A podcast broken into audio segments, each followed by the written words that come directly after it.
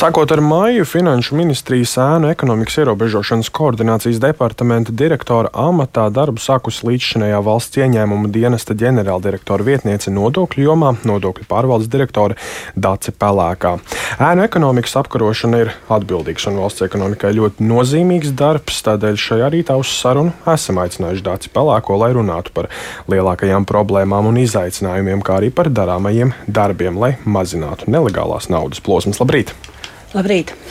Jā, nu, jūs nākat no valsts ieņēmuma dienesta, kā jau minēju, tur bijāt arī ģenerāldirektors vietniece. Tātad pieredze un informācija par ēnu ekonomiku jums kā būtu. Nu, sākumā varbūt kopumā, kā jūs raksturotu šo ēnu ekonomikas sērgu Latvijā? Mēs runājam par lielu problēmu.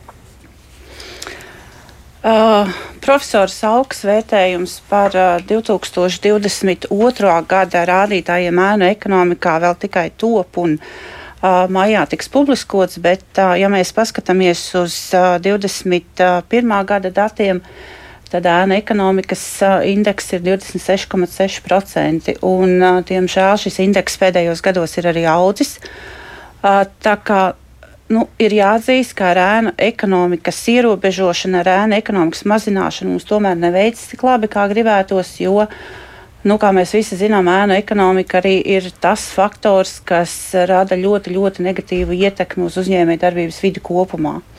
Gan uz šo pozitīvo investoru noskaņojumu, gan arī uz uzņēmēju konkurētspēju, un nenoliedzami atstāja iespēju arī uz uz katru cilvēku, uz um, katra indivīda arī šīm te, uh, sociālās uh, nodrošināšanas garantijām un uz ikdienas dzīvi.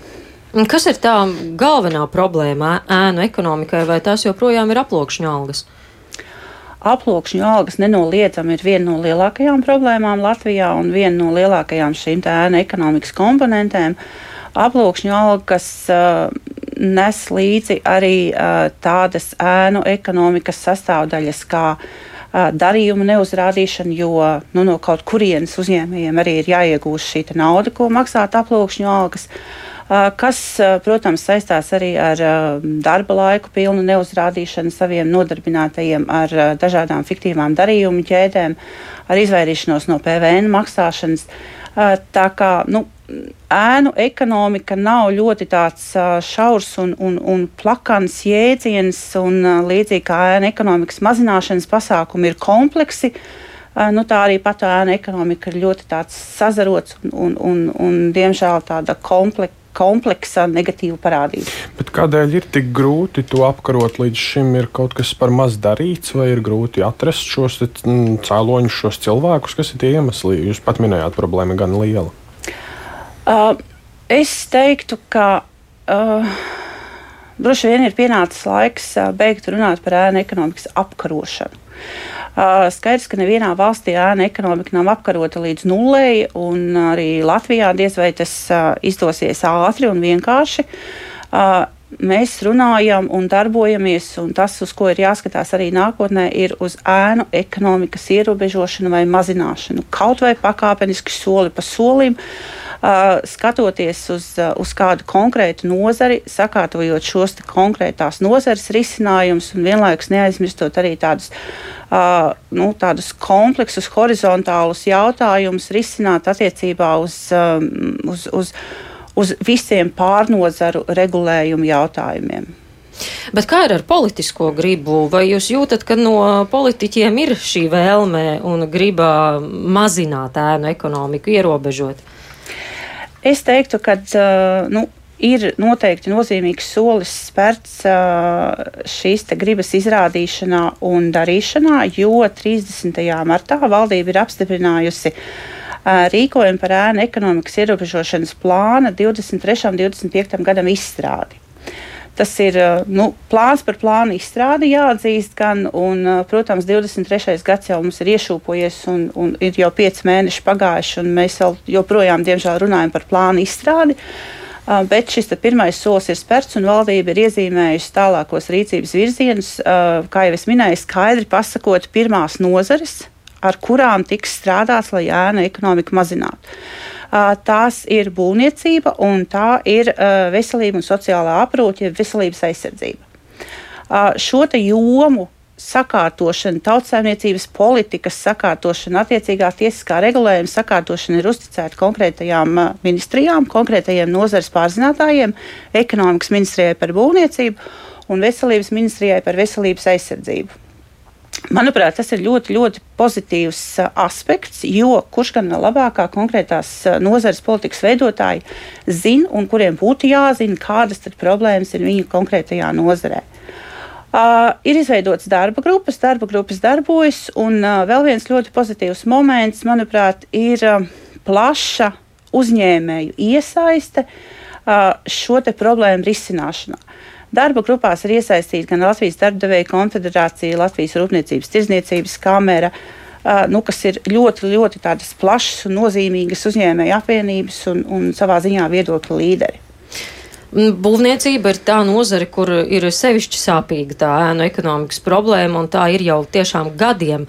Kāpēc līdz šim nav izdevies tieši būvniecībā to sakārtot? Vai tur varētu būt arī spēcīgs lobbyis pie vainas? Uh, būvniecība ir noteikti darījusi daudz gadu gaitā savas jomas sakārtošanā. Mm, šajos gados ir ieviesta gan elektroniskā darba laika uzskaita, gan, gan, gan ekonomikas ministrija ir strādājusi pie dažādiem savas nozares jautājumiem attiecībā uz līgumu, tipveida līgumu sakārtošanu. Šeit ir noteikti jāskatās uz konkrētiem aspektiem. Būvniecībā tie nav tikai lielie objekti. Tie ir arī nelielie objekti, tās ir privāta māju būvniecības. Tie ir ļoti daudz nelieli būvuzņēmēji, kuri uh, sniedz savus pakalpojumus arī privātajām personām. Uh, kuriem, uz kuriem iespējams nekad neatieksies šī elektroniskā darba laika uzskaite. Uh, man gribētos teikt, ka uh, ir jāiet vēl, vēl dziļāk šajos jautājumos, jāskatās, kas tad ir tie instrumenti, kā šos uzņēmējus vilkt ārā, ja tā drīkst teikt, no ēnām. Un vēl viena lieta, tas attiecas ne tikai uz būvniecību, tas noteikti attiecas arī uz visām pārējām nozarēm. Mēs nedrīkstam aizmirst par, kā jau es minēju, par pašu uzņēmēju. Uzņēmēji ir iesaistīti šajās darba grupās. Mums noteikti centrā ir jānoliek uzņēmējs un jāskatās uz uzņēmēju vajadzībām. Liekot šajā ēna ekonomikas ierobežošanas vai mazināšanas plānā ne tikai kontrolas pasākums, ne tikai šos pātagas pasākums, bet skatoties un neaizmirstot arī tos pasākumus, kas uzņēmējs pašus motivē iziet no ēnām, lai uzņēmējam tas nav izdevīgi, nav interesanti. Mēs nedrīkstam aizmirst arī par šo tā saucamo nodokļu morāli, jo, kā jau es minēju, ēnā, ēna ekonomikā tiek iesaistīti ne tikai uzņēmēji, ēna ekonomikā tiekam iesaistīti mēs visi, jo nu, arī mums pašiem uh, bieži vien uh, prasa, vai tev ir vajadzīgs čeks, vai tev nav vajadzīgs čeks, vai tu par pakalpojumu maksāsi legāli ar rēķinu, ar pārskaitījumu, vai, uh, vai varbūt tu gribi izvēlēties un nemaksāt pievienotās vērtības nodokli un samaksāt skaidrā naudā. Un kā ir vispār ar likumisko bāzi, vai tā ir pietiekama, lai veiksmīgi tiktu galā ar ēru ekonomiku? Uh, likumiskā bāze nemitīgi attīstās. Eh, tajā brīdī, kad eh, vai nu konkrētās nozares politikas veidotāji vai valsts cieņām dienas vai finanšu ministrija redz, ka kādu no ēnu ekonomikas šīm komponentēm vai kādu no parādībām var izskaust, mainot likumu, uh, atliek ar uzņēmējiem kopā uh, saprast, kas ar likumdošanā ir jāmaina un virzīt šo normu. Cits jautājums, vai tas notiek pietiekami ātri, vai uh, arī šīs likumdošanas normas reizēm neiestrēgst kaut kur, uh, kaut kur uh, gaitiņos, un, un, un vai viņas tiek pietiekami ātri virzītas, lai viņas nepazaudētu savu sākotnējo efektivitāti. Un, um, jūs jau arī šobrīd jaunajā amatā varat pavērtēt valsts ieņēmuma dienesta darbu līdz šim, tāpat kā ēna ekonomika. Ir nauda, kas iet garām valstī, tāpat arī tie paši uzturlīdzekļu nemaksātāji, kas ir parādā valstī.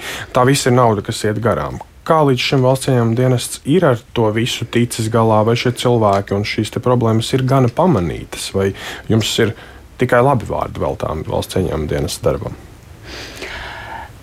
Jā, paldies par jautājumu. Neapšaubāmi mana pieredze valsts cīņām dienestā un, un jāsaka, atzīšu, pietiekami dziļi pārzinot nodokļu administrēšanas procesus un tiekoties un runājoties arī ar uzņēmējiem. Man pašai šķiet, ka ir radījusi, radījusi tādu pietiekami labu pamatu, lai šobrīd es varu nodot šīs zināšanas tālāk politikas veidotājiem.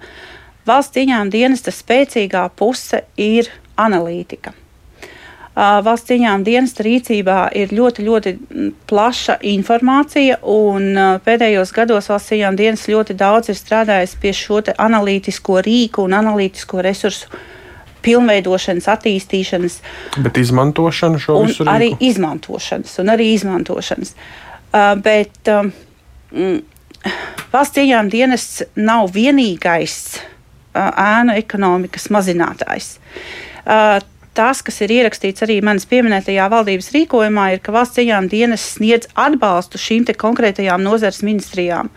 Un uh, Vits vienmēr ir aicinājis uh, konkrēto nozaru politikas veidotājus izmantojiet mūsu rīcībā esošo informāciju, lai tiešām jūs, kā politikas veidotāji nozarē, saprastu, kas tur notiek. Skaidrs, ka valsts ieņēmuma dienas nevar būt klāt pie katra uzņēmuma, katra mm, katrā, katrā mm, objekta vai katrā veikala, kurā mm, teiksim, iezīmējas, iezīmējas šī iespējamā ēna ekonomika.